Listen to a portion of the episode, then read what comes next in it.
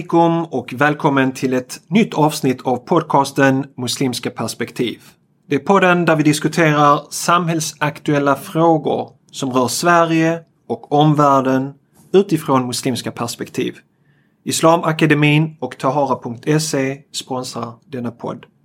Jag heter Salih Tufekcioglu och tillsammans med mig har jag Salahuddin Barakat. Salam alaikum. Wa alaikum salam rahmatullah. Ett av mina favoritavsnitt var Ja. den när vi hade Benjamin med. eh, När vi intervjuade honom. Ja, det, det kommer att vara en klassiker utan tvekan. Ja.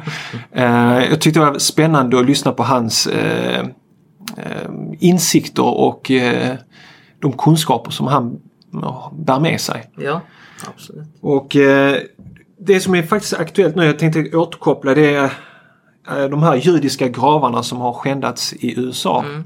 Men även eh, många organisationer och synagogor i USA som har eh, blivit Mm. Det har bombhotade. blivit en slags ökning i antisemitismen i USA igen från höger eh, extremt håll. Precis, och det var en eh, judisk journalist som ställde den här frågan till Trump. Men Trump var inte så jätteglad över Mm. Den frågan. Han tog det såg det. Mm. personligt eh, sådär. Jag är det minst antisemita som du någonsin har träffat. Men det var inte det som frågan handlade om. Nej, det var mer om precis. att det här är vad som händer i USA och hur ska vi få bukt med detta. Mm. Så att eh, det är en tråkig utveckling i USA eh, där de här, eh, det var över 200 gravar som har välts. Ja. Alltså vilken grej! Gå där och välta 200 gravar. Det är stora liksom här gravstenar Ja, och så. visst. Det är, ja, men man bär inom sig ett stort hat så Mm. tyvärr. Och varför man gör det är ju liksom att såra människor. Mm. Alltså jag tänker varför vill man just det här? Det skapar ju också en otrygghet och en känsla om att man inte eh, hör hemma. Mm. Alltså om, om ens döda som ligger och vilar eh, attackeras, angrips på det sättet. Då det, det tar ju bort känslan av trygghet och tillhörighet till det samhället och det är det de vill ju. Mm. Rasister och extremister av olika slag. Precis. Mm. Och sen är det ju de här, eh, så, så det här var i Missouri i USA. De här 200 gravarna hade skändats. Och det som är så underbart att se vi, vi pratar ju också om det här liksom, muslimska judiska relationen. Det var det det här avsnittet handlar om med Benjamin. Här ser vi också att två muslimsk-amerikanska organisationer startade en crowdfunding som började samla ihop pengar på nätet. Och enligt det här, den här artikeln i Aftonbladet med rubriken Judiska gravplatsen skändad. Muslimska organisationer grep in. Enligt den här rapporten så samlade de här två organisationerna på tre timmar 180 000 kronor för att reparera det som hade hänt på den judiska ky- kyrkogården. Ja, det är otroligt egentligen. Och jag fick höra att det, det bara blev mer och mer. Alltså det blev oerhört mycket eh, pengar till slut. Ja, ja, precis. Det var uppe, jag minns inte om det var eh, flera hundratusen alltså. Så eh, bara under januari har, 40, har över 48 olika judiska center mottagit närmare 60 bombhot. Oj. Ja, det är galet. Ja. Det är galet. Vi ska inte glömma att även många muslimska, Ja, precis. eh, alltså Ja. moskéer och andra organisationer ner. bränns ner och också fått de här eh, hoten och så. Eh, tråkig utveckling i USA. Mm. Eh, men or- eh, organisatörerna eh, sa så här att de är fyllda med sorg. Men pengarna som har kommit in har gjort dem eh, så att de känner sig överlyckliga. Och alla extra pengar, citat här, alla extra pengar kommer gå till andra vandaliserade judiska center i USA. Jag lyssnade faktiskt på en intervju, jag tror det var CNN eller någon amer- amerikansk nyhetskanal, där de intervjuade en av de här initia- initiativtagarna till insamlingen. Eh, och han eh, citerade en händelse från profeten Muhammed Sesens tid som jag också älskar. Han befinner sig i Medina, profeten. Han sitter där med sina följeslagare. Och det är en jude som har gått bort. Så det är en begravningståg. Människor som går med en judisk man som har dött. En procession. Procession, precis. Du känner till den här Ja, berättelsen? precis. Yes. Och profeten Muhammed sallam reser sig upp som ett tecken på vördnad och respekt. Och de andra följeslagarna blir lite irriterade och ifrågasätter det här. De säger men det här är, det här är en jude liksom. De eh, ogillar oss och så här. Det fanns ju liksom en, en konflikt Friktion mellan, friktion mellan araber och judar i Medina. Och profeten Muhammed sallam säger är inte det också en människosjäl? Så just det här att man kan se bortom den religiösa identiteten och se till människan, att vi alla är människor, att respektera alla oavsett vilken religiös tillhörighet de har. Precis. Det här blir intressant nu när vi ska titta på Ad äh, Adonis. Ja, Adonis. eh, svartvita bild av eh, muslimer hur vi eh, relaterar till andra eh, trostraditioner. yes. Ja, men eh, det var en fantastisk eh, nyhet. Jag Ja. hoppas eh, Det är bra att man får in lite positiva nyheter. Absolut, jag. absolut. Det är att, eh, viktigt. mm, och eh, vi hoppas att det här utökar sig och eh, det blir fler kontakter mellan den judiska gruppen. Muslimska gruppen. Ja, yes. precis. Okej, så vi fortsätter. Förra avsnittet handlade om Adonis, Ja, precis. Adonis, Adonis, Adonis, Adonis. och hans syn på islam. Mm. Och idag tänkte vi fokusera på eh, vad han anser om islam när det handlar om våld. Ja, precis. Det finns en- Våldssynen. Våldssynen i islam enligt Adonis. Och där är ganska många passage eh, som vi ska titta på. Eh, men vi tänkte börja med den första då. Och det är den här svartvita eh, bilden som, eh, som han säger. Det är på sidan 17 där. Och det citatet hittar vi här på sidan 17. Han säger så här. Islam införde en svartvit världsbild utan mångfald. Ja, vad säger vi om det? Han har också fler citat som vi faktiskt kan, kan eh, kanske lyfta fram redan som eh, går i samma jargong. På sidan, eh, ska 67. vi se, ja, sidan 67 om vi kan ta fram det. Vi bläddrar fram dit där. Och då, då säger han så här på sidan 67. Det finns inget utrymme för andra trosriktningar eller troende i det muslimska samhället. Världen måste islamiseras för det finns bara en religion som är islam. Ja. Slutcitat. Ja, precis. Alltså, och vid ett annat tillfälle skriver han också, vid ett annat tillfälle skriver han Islam stred mot de kristna och andra religioner. Alltså, Mm. I princip vad han vill ha fram här, eh, och det, och det är bara exempel. Mm. Det, det här tar han upp på flera ställen. Vad han vill ha fram här är att Islam inte på något sätt erkänner någon mångfald. Mm. Hela världen måste islamiseras. Det är lite den här. Eurabia-teorin. ja men du vet, Ja, eh, precis. Mm. konspirationsteorier om, om ö- världsövertagande och liknande. Det är väl mycket det. Eh, muslimer precis, vill ta över med ett precis. kalifat. Kalifatets återvändande. Precis, Som terrorexperten har gett ut. men men jag, för mig känns det som en sån här Star Wars world. Alltså Ja. du vet så Darth Vader och Ja, eh, precis. svart och Ja, vitt. Det är han som ger det svart och vita tycker jag. ja, ja. Han säger att islam inför en svart och vit Mm. världsbild. Jag tycker det är tvärtom. Det är han som projicerar kanske sin svart och vita världsbild Mm. på den muslimska traditionen. Och om man också tittar på det här att man kan förstå islam på olika sätt Mm. för att nyansera upp det hela. Och när jag hör det här citatet, det finns inget utrymme för andra trosinriktningar eller troende i det muslimska samhället. Världen måste islamiseras, det finns bara en religion som Mm. är islam. Det låter ju som en IS-general eller någonting sånt i den stilen. Alltså, hänger du med? Ja, jag håller Och, det, med. och, det, håller och med det, 100%. det passar den här boken för han har ju så många hänvisningar till Daesh. Alltså, Ja, ja, islam, han förstår islam Så som Daesh förstår den. islam. Ja, precis. Ja visst. Men om vi kollar istället till hur man har förstått den normativa traditionen. Mm. Majoriteten av muslimer. majoriteten av muslimer. Hur har de förstått den? Mm. Och vad finns det för grund för den förståelsen i islam? Alltså Mm. en förståelse som inte är svart, svart och vitt. Mm. Eh, så tycker jag det är väldigt tydligt. Vi har exempelvis hela begreppet om Ahlul Kitab, Mm. skriftens folk.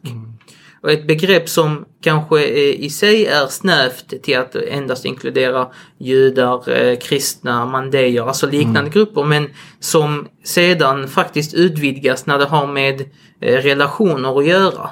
Alltså eh, nationsrelationer och liknande så inkluderas ju även andra folk såsom zoroastrier och hinduer och liknande har in- inkluderats i detta begrepp traditionellt sett baserat på hadither. Eh, så ser man att i utrymme, det finns faktiskt i det muslimska ingrott, alltså inbyggt i den muslimska rättsläran en mångfald som är dessutom, som jag skulle säga, är en väldigt, eh, vad ska man säga, väldigt tolerant och väldigt särskilt sett till tiden. Jag menar, Absolut. hur många länder har idag parallella eh, lagstiftningar och domstolar där olika folk får lov att leva i enlighet med deras lagar och deras övertygelser. Ja men det hade man i islam. Det hade man i den muslimska världen. Fram till 1900-talet, början eh, på 1900-talet hade du och fortfarande idag i vissa länder så har du kristna domstolar, judiska domstolar i den muslimska världen. Kristna och judar, kristna minoriteter har levt i den muslimska världen i över tusen år och fått växa och leva och deras kyrkor är kvar och deras områden är kvar och så vidare. Absolut, jag är inte för att romantisera hela Nej, historien nej. också. Visst har det begåtts eh, Övergrepp. övergrepp i vissa tillfällen. Det, relativt sett är de få. Relativt sett så hade minoriteter väldigt bra. Särskilt sett utifrån det historiska. Ja, som man läser- Jämför bara med Europa under den tiden. Hur man behandlade minoriteter där. Absolut. Eller i andra delar av världen. Så läser man historiker och så eftersom jag har eh, turkisk bakgrund så läser jag en hel del om Ottomanska riket och lyssnat på historiker och forskare och de, majoriteten av dem är överens om att det var ett väldigt tolerant rike, man tolererade olika religiösa minoriteter, man var i Balkan i över 500 år och det fanns kyrkor och de tilläts eh, ha sina kyrkor och, och sådär och eh, Sen måste man förstå att världen då såg annorlunda ut. Alltså hur man definierade tillhörighet och nation var annorlunda. Då nation, nationstaten, nationalstaten fanns inte. Man definierade sig inte utifrån sin någon slags nationell eller ens etnisk identitet nej, det är innan nationalismen slog igenom. Precis, utan man definierar sig som genom sin religion. Så att det, när du var så visst var du inte fullvärdig eh, medborgare exempelvis som kristen eller jude i ett muslimskt land. Du hade inte fullt rätt samma slags Nej. rättigheter men det berodde på för att du sågs ju inte som medborgare på grund av att medborgarskapet var ba- baserat på den religiösa tillhörigheten. Och det var så alla ville ha det i princip. Alltså det var det rådande. Det var inte så att det var infört utan även kristna definierade sig utifrån sin kristendom och judar ut- utifrån sin judendom och så vidare. I stort i alla fall. Så det skulle ju mer vara som att eh, vi har en, en dansk medborgare har inte samma rättigheter i Sverige som en svensk medborgare. Nej, precis. Och det är inget konstigt med det. Mm. Så att det är också viktigt att ha med det elementet. För vissa pekar, ja men de hade inte samma rättigheter och så vidare. Ja men det är för att de har en väldigt ytlig förståelse av vad medborgarskap är, hur det har sett ut förr i tiden. Eh, gällande tillhörighet och nation och så vidare. Och man kan se tvärtom, alltså hur, hur man kan se att minoriteter har haft det bra är deras ekonomiska framgång, deras välfärd. Jag menar du har i många muslimska länder som har eh, relevanta stora eh, popula- minoritetspopulationer så har de minoritetspopulationerna haft väldigt bra, särskilt exempelvis judar. Ja, som flydde från Spanien och tog sig Absolut. till Istanbul. Det är inte bara att de flydde och sen har de varit i getton i minoritet Nej, nej, på det nej, sättet. Utan de har fått en väldigt bra utmärkande ställning i samhället. Mm. De är liksom visirer, eh, sultanens visirer och liknande. Läkare. Utbildade.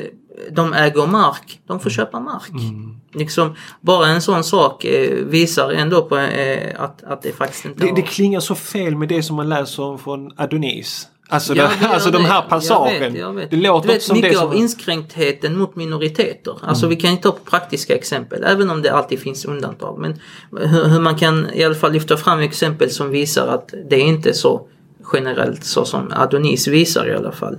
Det är ju till exempel att eh, i, säg om det Osmanska riket i Turkiet, minoriteterna fick det sämre i och med sekularisering Ja, precis. Än vad de fick.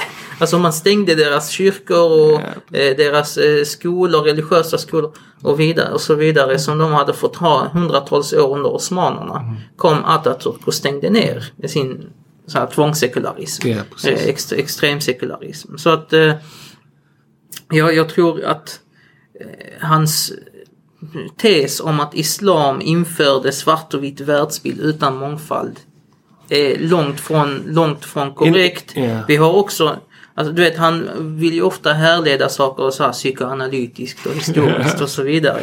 Jag menar araberna innan islam hade också en erfarenhet av mångfald. Ja, precis. Araberna är inte en homogen grupp.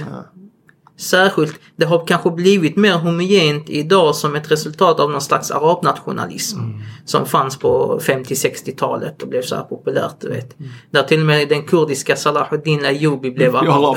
Ja, precis. Så jag menar det, den eh, mångfald Araberna till och med på profetens tid, må Guds frid vara över honom, var, bestod av en mångfald av olika precis. språk, olika eh, till och med liksom etniska grupper, hudfärg och liknande. Och religiös tillhörighet. Det fanns olika religioner och de kristna levde där och judar levde. Det fanns kristna araber, rassaniderna de här i, i norra Arabien. Eh, och det var, ingen, det var en del av så den semitiska gruppen som helhet. Eh, oavsett om man kollar på araber eller fenicier, eh, mesopotamier. Hela den historien, där är en oerhörd mångfald där. Har funnits det väldigt länge. Och det är därför, tror jag till exempel, och jag tror att man har fortsatt det här arvet i den muslimska traditionen. Och exempelvis kristna minoriteter. De har varit bannlysta i väst. Alltså det kristna väst. Och levde kvar och överlevde i öst.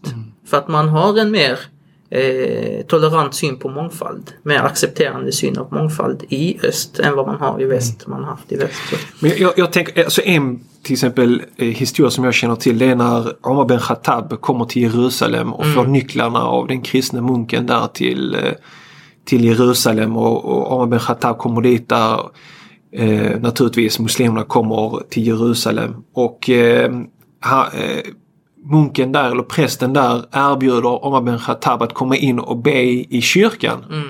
Också en väldigt tolerant eh, syn från kristnas sida redan Ja, på den absolut. tiden. Absolut. Muslimer kommer som erövrare till Jerusalem och han bjuder in honom att be inne i kyrkan. Mm. Omar tackar vänligt nej till det här och förklarar varför. För han säger så här att om jag ber här inne så är jag rädd att muslimerna framöver kommer säga att Omar har bett här och därför ska det bli en moské.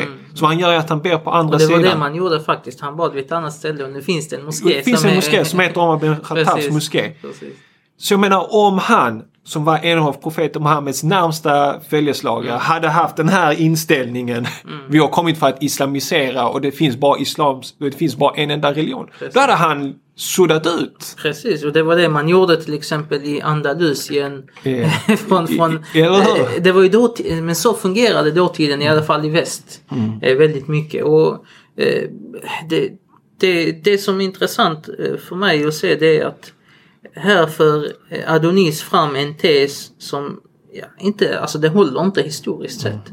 Och han är den som försöker mena på att vi måste läsa historien och studera historien och vetenskap och allt vad det är. Men alltså varken i texterna eller historiskt sett kan vi se att det håller den här tesen. eh, En, annan, fram. ett annat exempel också Salahuddin Al-Ayoubi, eh, kurden eh, Mm. och generalen som, som var väldigt tolerant. Och även historiker i väst har accepterat och, och, och ser honom som en väldigt tolerant person. Han, han blev liksom en hjälte även i väst. Ja.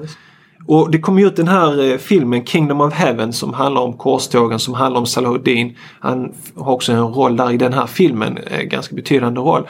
Och i en av de här scenerna så har man liksom försökt illustrera hans toleranta inställning mot kristna och kristendomen. Så i en av scenerna i filmen, det kanske inte är historiskt eh, belagt att det var som en, för att illustrera det, eh, de som gjort den här filmen, så, så i slutscenerna så går eh, Salahuddin han är i någon form av byggnad, om det är en kyrka eller någonstans, så finns det ett kors som ligger på marken.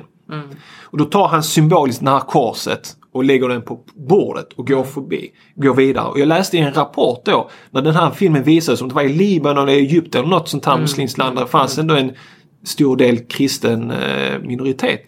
Så ställde sig folk upp i biosalongen och applåderade när de såg det här. Och, och så han tvärt emot med korstågen då som, som dödade och Ja, slaktade kristna Precis. minoriteter. Han dödade ju också säkert. Ja, ja, ja, ja. Så är det ju krig. Ja, folk, folk går inte och ger varandra rosor i krig. Nej, nej. Folk har Men just den här förföljelsen av minoriteter och- och- och- och så, sådär. Det, det, alltså, tvärtom finns det ju mycket som indikerar på att när eh, muslimerna kom in i liksom eh, länder som Syrien och liknande. Mm. Att många av minoritetsgrupperna där eh, hjälpte ju muslimerna och anslöt sig till dem. Mm. För på grund av att eh, bli av med det förtryck de hade fått uppleva av bysanterna till exempel. Så jag menar, men hela det här med synen på att, att synen, islams syn på det andra skulle vara en svart och vit och att det inte skulle vara på något sätt tillåtande. För mig, just det du nämnde Abbasynien till exempel, Habasha, Mm. eh, Najashi, muslimerna. Där fick, eh, den, du vet de första tiden av förtryck Mm. så skickades en grupp muslimer till Abbasynien Mm. för att eh, vara där. Och när profeten beskrev, och Guds frid var över honom, när han beskrev den här kungen. Så beskrev han honom som en kristen kung där ingen blir förtryckt, där alla får rättvisa. Jag menar, eh, det är ingen negativ syn direkt. Utan det är ett prisande, ett upphöjande av, en krist, av ett kristet land och en kristen kung. Och skulle det verkligen varit den här svart och vita bilden där allt annat än muslimskt, alla andra muslimer är bara goda, alla andra är onda. Jag, jag kommer bara tänka på den här versen i Koranen, subhanallah, du vet, där, där Gud säger att om muslimerna inte hade stridit så hade kyrkor och synagogor där Guds Precis. namn nämns har liksom jämnats med marken. Ja. Så en del av den här jihad som alla liksom säger oh det är så farligt och är, är att beskydda kyrkor och synagogor. Precis, och det, Alltså det, det det, klingar så dåligt. Ja, visst, visst. Ja, men det... Och varför lyfter han inte upp de här verserna i Koranen? Nej, ja precis. På tal om koranverser och vilka han lyfter fram. Vi har ju en som är väldigt eh, intressant också. Ska vi ta den? Ja, det kan vi ta. Den passar ändå i sammanhanget. Var har han den? Den är på sidan, eh, ska vi se, Eh, sidan 47. sidan ska det vara. 47, just det. Och då, skriv, och då citerar han här en vers ur Koranen. Precis, och den, det, syftet med detta är att påvisa på något sätt om att eh, Islam handlar om att ta över hela jorden och, och ja, Precis. inget annat än Islam ska vara kvar i princip. Så han säger så här. Eh, Adonis. Mm. Och den vers som direkt anknyter till detta lyder citat. Herre, lämna ingen enda av de otrogna kvar på jorden. Slutcitat. Och det är vers ur Koranen och så kommenterar han direkt här med eh, meningen efter. Mm. En muslim som läser detta uppmanas till jihad. Så att den önskan som uttrycks i versen ska gå i uppfyllelse. Och till att bekämpa vantro. Yes. Vad säger vi om detta? Ja, du har tittat, Jag har tittat var, i vilket sammanhang. För man ja, brukar precis. säga att det är viktigt att titta på verserna innan och verserna efter. Var, var, var, Precis, jag brukar säga alltså, du vet när man studerar ett korantolkning, varje vers har minst tio kontexter Mm. som ska beaktas. Den första är den direkt koraniska, alltså kontexten, verserna innan och efter. Det, Mm.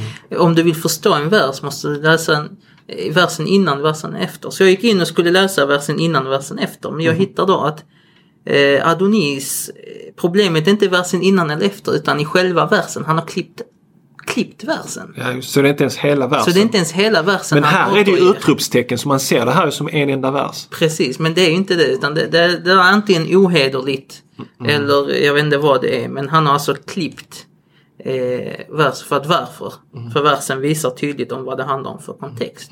Så om jag läser versen Och det berättar han inte här i kontexten. säger inte Nej, på säger något sätt. Nej. Han säger, så versen, hur lyder versen egentligen? Så här, Versen lyder, och Noa sade till Gud.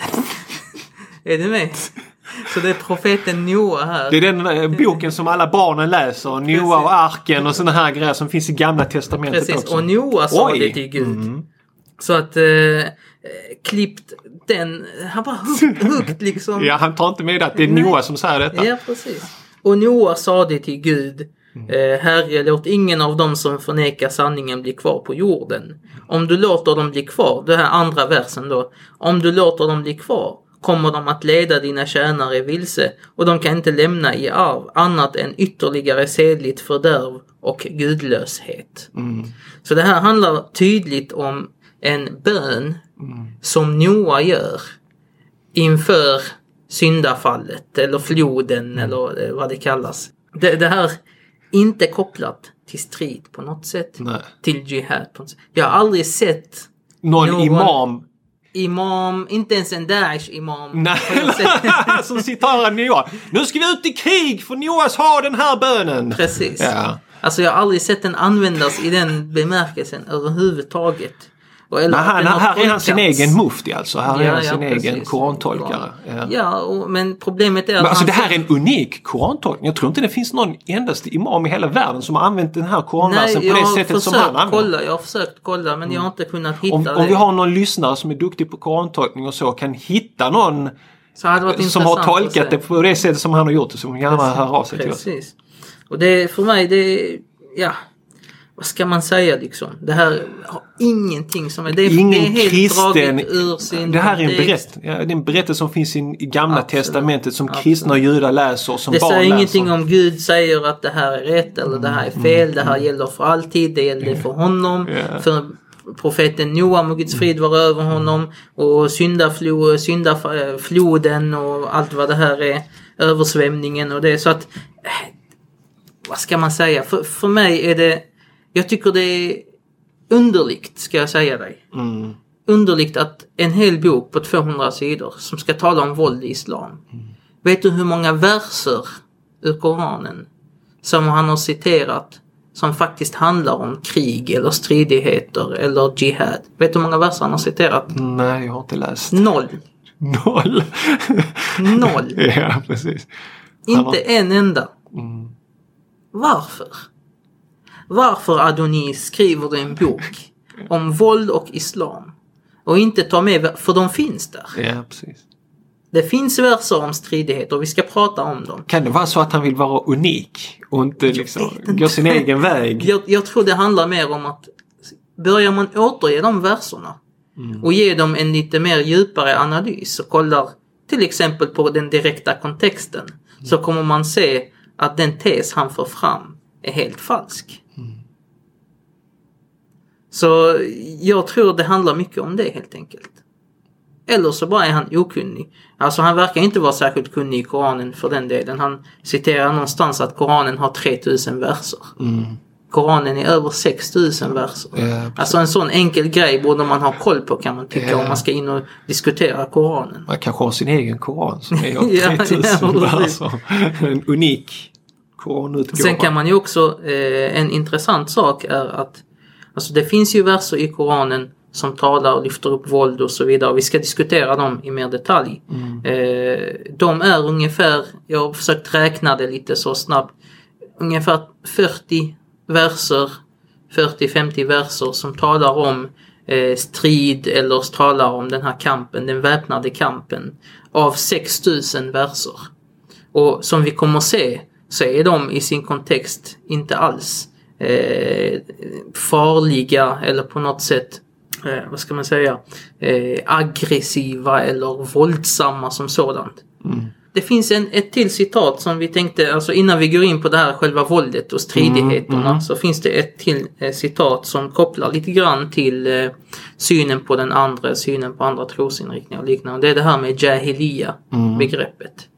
Eh, om vi kollar på sidan 36. 36. Där har vi den. Där nere va? Då säger han så här. ehm, citat. När det i Koranen talas om tiden före Islam kallas denna Jahiliya, okunnighetens tid. Det vittnar om ett förakt för och ett förnekande av tidigare civilisationer. Som den persiska, faraoniska och mesopotamiska civilisationerna. Slutcitat. Detta är alltså Kolla hur han gör här. Alltså, det- jag tycker det är väldigt ohederligt. Du vet, han tar en sak som är korrekt. Tiden innan islam. Precis. Kallas för okunnighetens tid, jahiliya-tiden. Men Och så ger han sin... oftast, ja, och sen, sen drar han en slutsats av det. Bara för att den kallas för jahiliya-tiden så menar han att det medför automatiskt ett förakt av allt som är innan islam. Och det medför Förnekande. En förnekande Av ett tidigare förnekande. civilisationer. Precis, och deras godhet och prestation och så vidare. Alltså, och för mig är det väldigt eh, fult spel att spela och väldigt ohederligt. För att vi ser tydligt i texterna att så inte är fallet. Till och med Jahiliya-konceptet som är väldigt egentligen mycket bundet till eh, den arabiska för-islamiska perioden. Och arabernas tillstånd, hur de var. Först, först och främst så generaliserar han denna. Sen för det andra, till och med den, så är den muslimska synen på den tiden nyanserad. profeten själv, må Guds frid vara över honom, säger de bästa utav er i, jah- i Jahiliya är de bästa utav er även Man här. ser någonting gott, att det fanns Precis. gott i den tiden också. absolut. Allting var inte av ondo. Självklart inte. Till och med säger han det, i Jahiliya-tiden, alltså innan Islam, så eh, ingick araberna vid ett tillfälle i ett slags förbund med varandra, ett avtal. Helf el fudul kallas detta. Det är dykternas eh, helf, alltså det är en helf, det är ett kontrakt, eh, en, en pakt. Ja, pakt. Kan, ja, precis. Som handlar om att värna om eh, minoriteters och de svagas rättigheter i samhället. Och profeten, må Guds frid vara över honom, sa hade de kallat, alltså hade icke-muslimerna, avgudadyrkarna, kallat mig till ett sånt, eh, en sån, eh, sånt avtal idag i islam, så hade jag besvarat detta kall. Så att eh, det här med att bara avfärda saker och ting som är för-islamiska eller inte erkänna de civilisationer, rent trans. Rent trans. Och vi ser att profeten, må Guds frid vara över honom, till och med i så basala grejer som sin klädsel, sitt eh, sätt att eh, klä sig på till exempel, bestod som man ser beskrivet av kläder från romarriket, kläder från ge, alltså mångfalden var där i det praktiska, i det levande, i vardagen. Och återigen om vi går tillbaka när han skickade sina följeslagare till Abessinien. Precis. Det är väl ett eh, erkännande av en annan civilisation, av en person som tillhör en annan Precis. trans. Där finns en kristen, en kristen kung som är rättvis och så vidare. Precis. Och dit där. Precis. Och, och detta ser vi generellt sett och det ser vi också i efter profetens tid. Många tror det här är bara under profetens tid med Guds frid vara över honom. Även efter det med de ka- kaliferna, alltså de första tidigaste kaliferna och även efter det så har muslimerna eh, inte bara erkänt och tagit till sig eh, och tagit nytta av mycket av de framstegen som de tidigare civilisationerna hade. Ja. Grekisk filosofi. Grekisk filosofi, persisk Vetenskap. eh, politiskt styre, diwan, du vet allt sånt här. Som, Poesin från Persien. Ja. så att det, det är inte alls Teknik. den där eh, kulturimperialism är inte en muslimsk eh, grej. Om man skulle säga så. Du vet när, när du ser islam, ja islam etableras i allt ifrån Indonesien till eh, väst i, i Andalusien och så här. Men det du ser är att ser moskéerna likadana ut överallt? Nej. Hur ser moskén ut i Kina? Ser ut nästan som ett kinesiskt buddhisttempel. Ja, absolut. Och hur ser de ut i Marocko? Helt annorlunda. Så att, Eller eh, kupolgrejen och sånt. Egentligen en bysantisk. Ja, En bysantisk grej. Ja. Kupolen är en bysantisk grej från deras kyrka. Absolut. Och det var ju så förr det när man erövrade och det var, Mm. det var inte bara en, en kamp och en strid i det militära. Utan även i teknologi, i arkitektur, i forskning. Det var ju liksom en kamp om vem som kan bygga den största kupolen utan stöd. Ja, precis. Så att det, det var eh, den här synen på att muslimer och islam eh, ser med förakt och vet, förnekelse allt som, inte, allt som är för-islamiskt är, är trams. Rent Men just det trams. här att, att det vittnar ett förakt för och ett förnekande av tidigare civilisationer. Det, det här, en fransman, den här boken jag skrev på franska från början, eller, eller någon i Vä- Västeuropa. När, när de läser det här så har de i sitt minne bilder av Daesh när de står med de Ja, här visst. klubborna och bara tar sönder de här statyerna som är liksom 3000 år, 5000 år gammal och liksom förstör eh, Palmyra va? De här stora eh, lämningarna. Så ser de liksom de, de är emot civilisation, de är emot Ja, det. Och då, då det här passar dem perfekt. Visst. Som förenklad bild av verkligheten. Ja. Så att det, det, ja, väl kan man väl säga att hans syn på hur muslimer ser är Mm. väl väldigt svart och vitt om något. Eh, ja. Ska Just- vi gå in kanske på Jag har, verserna eller? ja, jag har, jag har en, eh, en, eller en ett citat här. Han går in och eh, nämner om profeten på sidan 29. Ja. Då säger han så här. Eh, citat. Profeten förde krig och blev rik tack vare sina segrar. ja, precis. Och, och ingen citat. Ja, han sa till och med så här. Krigsbytena var enorma. Krig, eh, profeten blev rik tack vare sina segrar. Men om man tittar på hans liv. Alltså han levde ju väldigt enkelt. Han gav ifrån sig allt som han hade. Eh, han var emot att man skulle ha guld, siden.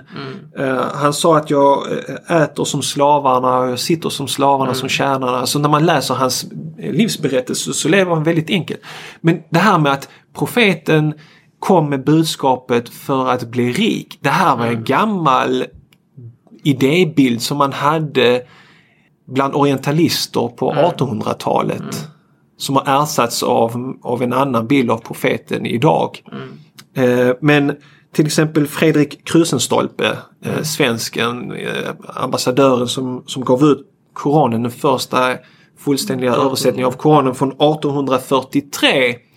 Han har en jättelång inledning där som jag har läst eh, mycket stora delar av den. Och där går han igenom och lyfter fram de här orientalistiska bilderna. Och många gånger var det faktiskt präster och så. Som Missionärer. missionärer som, var, som höll på med så här teologistudier och så, studerade islam. Och, och han skriver sin inledning och, och emot den här idébilden av att profeten kom för egen vinning skull, att han blev rik på de här eh, krigen. Och han ger olika exempel och säger att det här passar inte, stämmer inte stämmer in. inte nej, med den bilden som vi läser om profeten. Både så som det förekommer i Koranen men också i hadith-samlingarna och så. Precis. Så det är återigen vet, så här, name dropping. Ja. Profeten förde krig och blev rik. Det är också kopplat till på sidan, eh, på sidan 44. Så tar han ju fram eh, det här med just krig och stridigheter. Och där säger han till exempel att eh, han säger och där försöker han då kop- eller förhålla det i motsats till judendom och kristendom, alltså Koranen i motsats till Bibeln, så säger han i Bibeln Eh, ska jag säga. Men våldet i Bibeln är knutet till historien. Som ett folk som varit förslavat och tvingats i exil. Inom kristendomen går våldet hand i hand med kyrkans grundande. Inom islam däremot är våldet framförallt knutet till erövring. Jag menar, han har nog, det är så tramsigt så man vet inte vad, eh, var man ska börja och var man ska sluta. Jag menar, i Bibeln är våldet knutet eh, till ett folk som varit förslavat, tvingats i exil. Jag menar de eh, erövringar som de israelitiska kungarna gör. Det var Som inte ofta i- inte var barmhärtiga. Det var vet, inte alltid i underläge heller. Absolut inte. Absolut inte. Och det var ju massakrer som uppstod. Och till och med finns det ju befallningar. Det är sånt som vi självklart eh, inte skulle se. Alltså det behövs eh, diskussion kring det om det verkligen skedde eller inte. Men där det står till exempel att Gud skulle befallt att alla barn ska utplånas Ja. och alla djur och alla till och med så här. Till den nivån. Jag menar att, att eh, förenkla även Bibelns våldsbild eller våldssyn, våldsbeskrivning till en, till en vara i, i någon slags försvarsställning, i någon slags gott syfte. Eller den kristna likaså. Förhållande till den onda, dumma muslimerna som bara är ute efter erövring. Precis. Och då kan jag ju liksom utmana Adonis och ge mig en enda vers i Koranen som är uppenbarad i en erövringskontext. En enda vers. Jag väntar. Det finns inte. Det är därför jag tror att han inte har tagit med Nej. de verserna som handlar om våld. I princip alla verser i Koranen som har med våld att göra, som har med strid att göra, är i en kontext av försvar. Där muslimerna utsatts för angrepp. Och det är de verser som är, vad ska man säga, generella som beskriver den muslimska våldssynen är väldigt tydliga med det. Vi har till exempel Surat al-Baqarah, andra suran, vers 190. Då säger Allah subhanahu wa ta'ala, Gud säger وَقَاتِلُوا فِي سَبِيلِ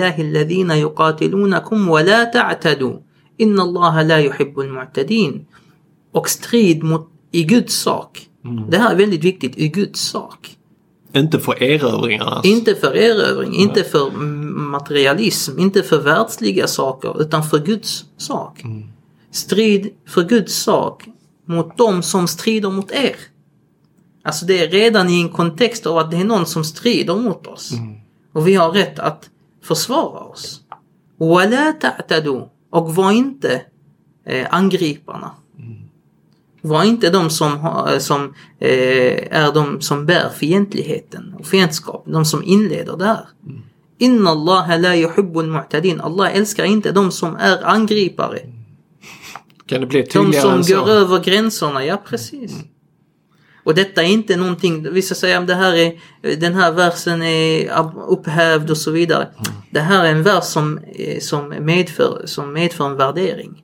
Det medför eh, hur, när Gud säger jag älskar någonting eller inte älskar någonting. Så är det kopplat till en syn på saker och ting i, som helhet. Och inte bara en historisk eh, eller en, en tidsbegränsad sak. Gud älskar inte de som är mu'tadun, de som är angripare, de som är fientliga, de som är aggressiva, aggressors, säger man på engelska. Samma sak i en annan vers som också visar den muslimska, alltså som visar på den muslimska eh, synen på eh, strid och när man kan använda det. En annan vers som, och han lyfter inte upp de här verserna på något sätt Nej. för att ge i alla fall en nyans eller liknande. Så säger eh, på svenska här, kanske ska Gud i sin allmakt låta vänskap, och egentligen han har, Knut Bernström har översatt som vänskap, egentligen står det mawadda.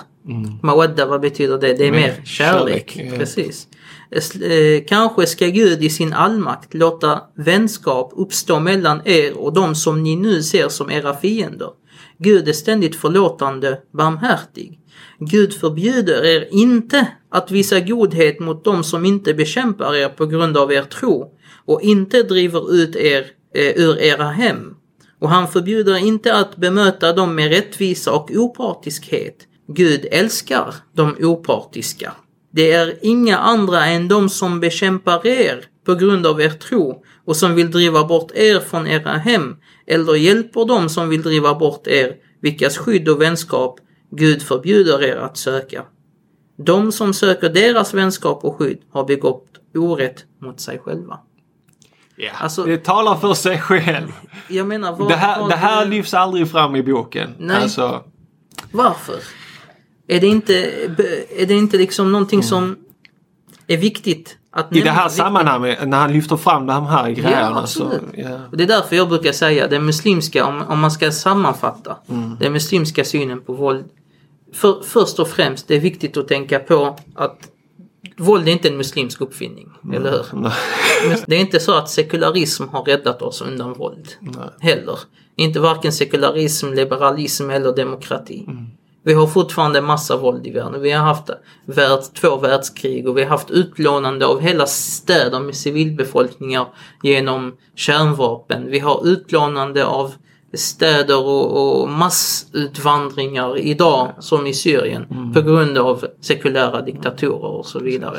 Så att borttagande av religion medför inte nödvändigtvis att saker och ting hade blivit fred.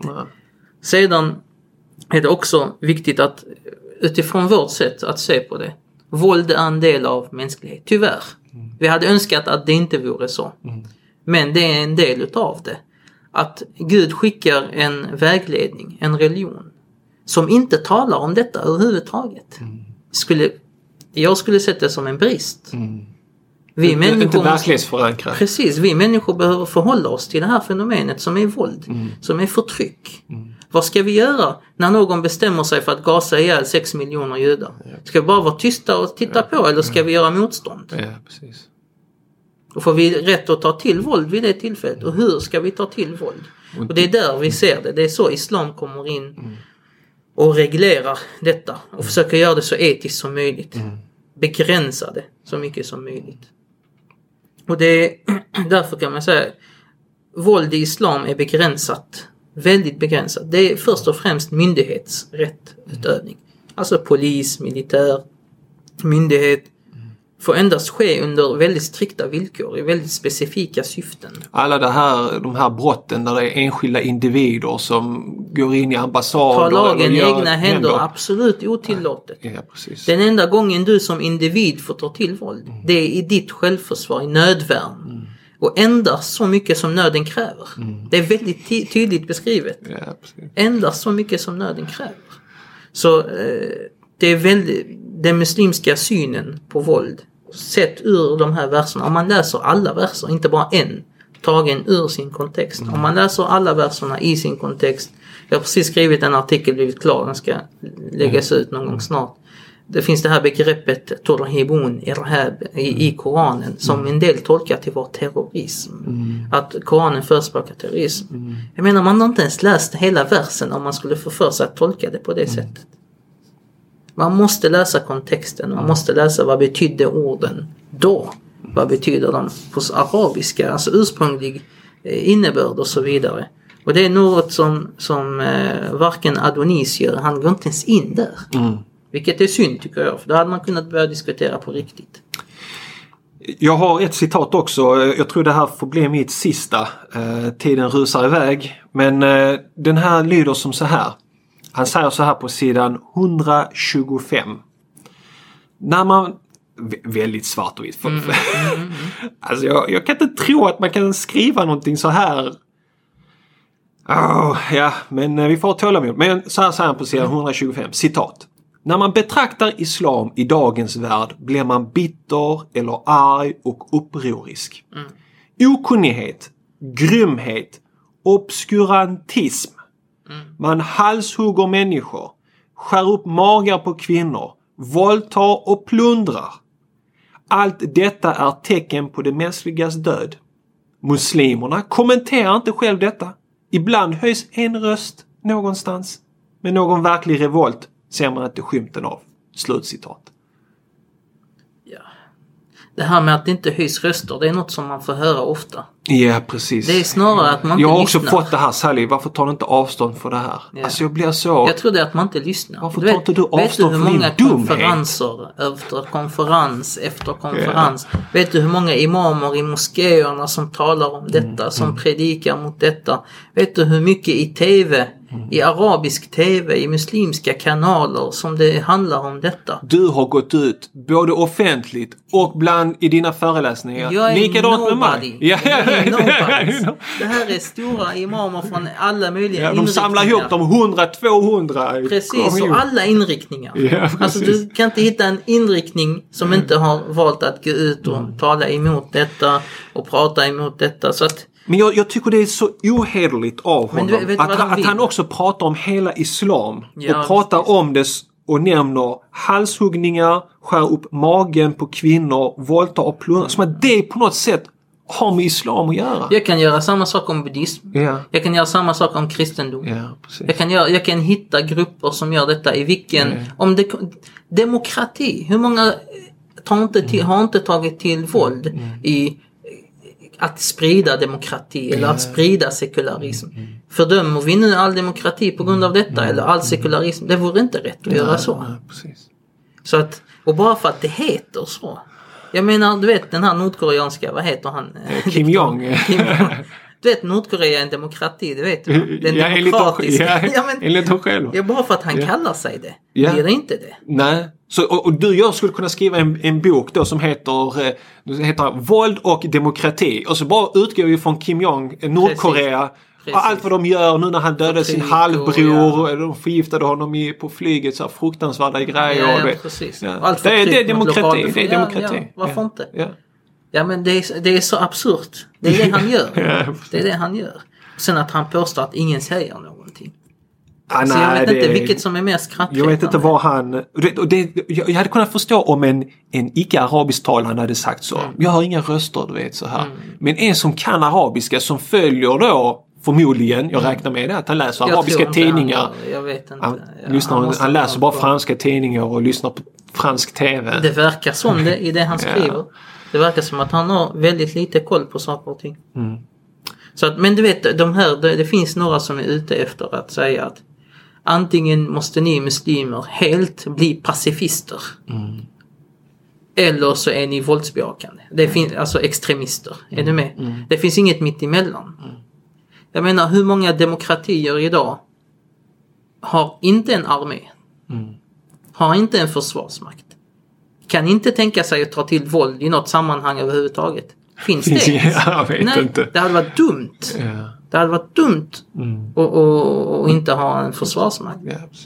Och det är, argumentet för det är lite grann det som Koranen för fram i versen du nämnde om att försvara, hade inte det funnits någon som kan försvara någon annan så hade kyrkor och moskéer och böneplatser och tempel liksom blivit Ja. förstörda och jämnats med marken. Och, och det finns även andra verser.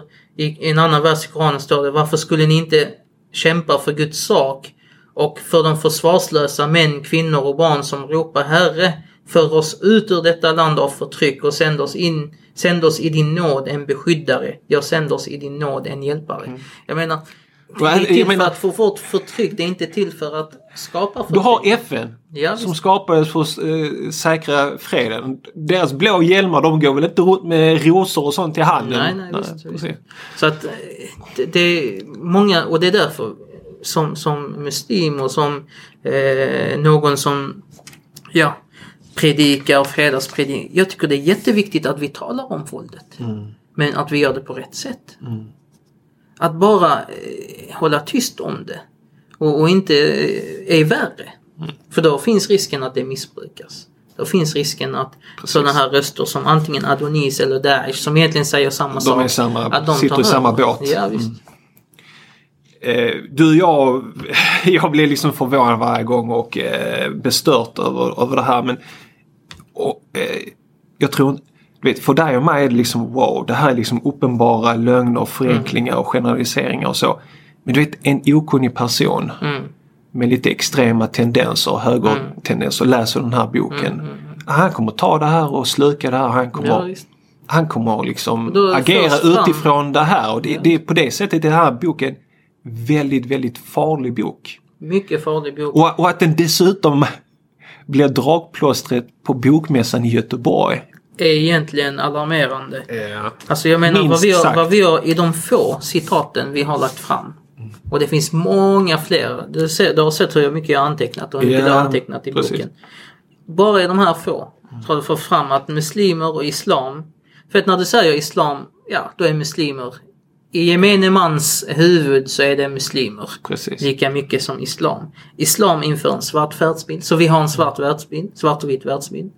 Och vi har, är vi helt emot mångfald. Vi vill islamisera hela världen.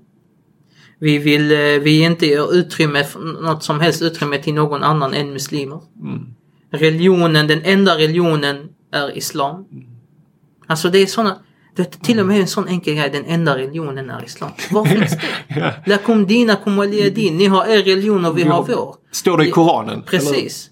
Ja, vi säger den enda religionen hos Gud, det vill säga den sanna religionen, Ja. är islam. Men det betyder inte att vi tar bort all sanning och all godhet från, från andra. Vi dessutom, vi föraktar och förnekar tidigare historia och generationer och folk. Alltså du menar, du ser om man lägger ihop de här grejerna. Ja, vi våldtar. Vi skär upp kvinnors magar och allt sånt där också. Vi kan ta med de groteska. Strider mot kristna och strider mot... Alltså det låter ju som djävulen på Ja, jorden. visst, visst. Eh, vi, jag, jag vill bara säga det att vi har till våra lyssnare, vi har faktiskt mejlat Vol, Volante, Volante hoppas jag uttalar eh, förlagets namn rätt. Det känner kanske inte ens du till men jag Nej. tog mig den tiden skrev ihop ett eh, fint litet mejl. Så hej Volante, jag vill bara göra er uppmärksam på att eh, vi gör en podd eh, där vi tittar närmare på, er, på den här boken som ni ger ut. För jag tycker de har ett ansvar Ja, som förlag att de har valt den här boken och översatt den till svenska och spridit den. Så jag skickade det där mejlet och sa ni får gärna lyssna på det här avsnitten och sådär och ni får gärna höra, höra av er. Vi får se om de gör det. Ja, jättebra. Sådär, eh, så vi vill gärna veta vad du som lyssnare tycker om det här. Eh, får gärna gå in på vår hemsida muslimskaperspektiv.se och kommentera. Och våra lyssnare som är upprörda av den här eh, islamofobin som sprider sig i samhället och över sån här eh, propagandalitteratur eh, som, som sprider de här grejerna. Vi behöver er hjälp. Vi på den här podden, jag och Salahuddin. Vi behöver er hjälp att få ut det här budskapet. Så vi skulle vara jättetacksamma och glada om du delar det här avsnittet på din Facebook-sida. Om du berättade för dina eh, tre bästa vänner om den här podden. Gå in och lyssna på det här. På den här podden. Vi skulle vara så tacksamma för vi får ofta höra de här eh, kommentarerna. Den här podden är jättebra. Fler behöver höra det här.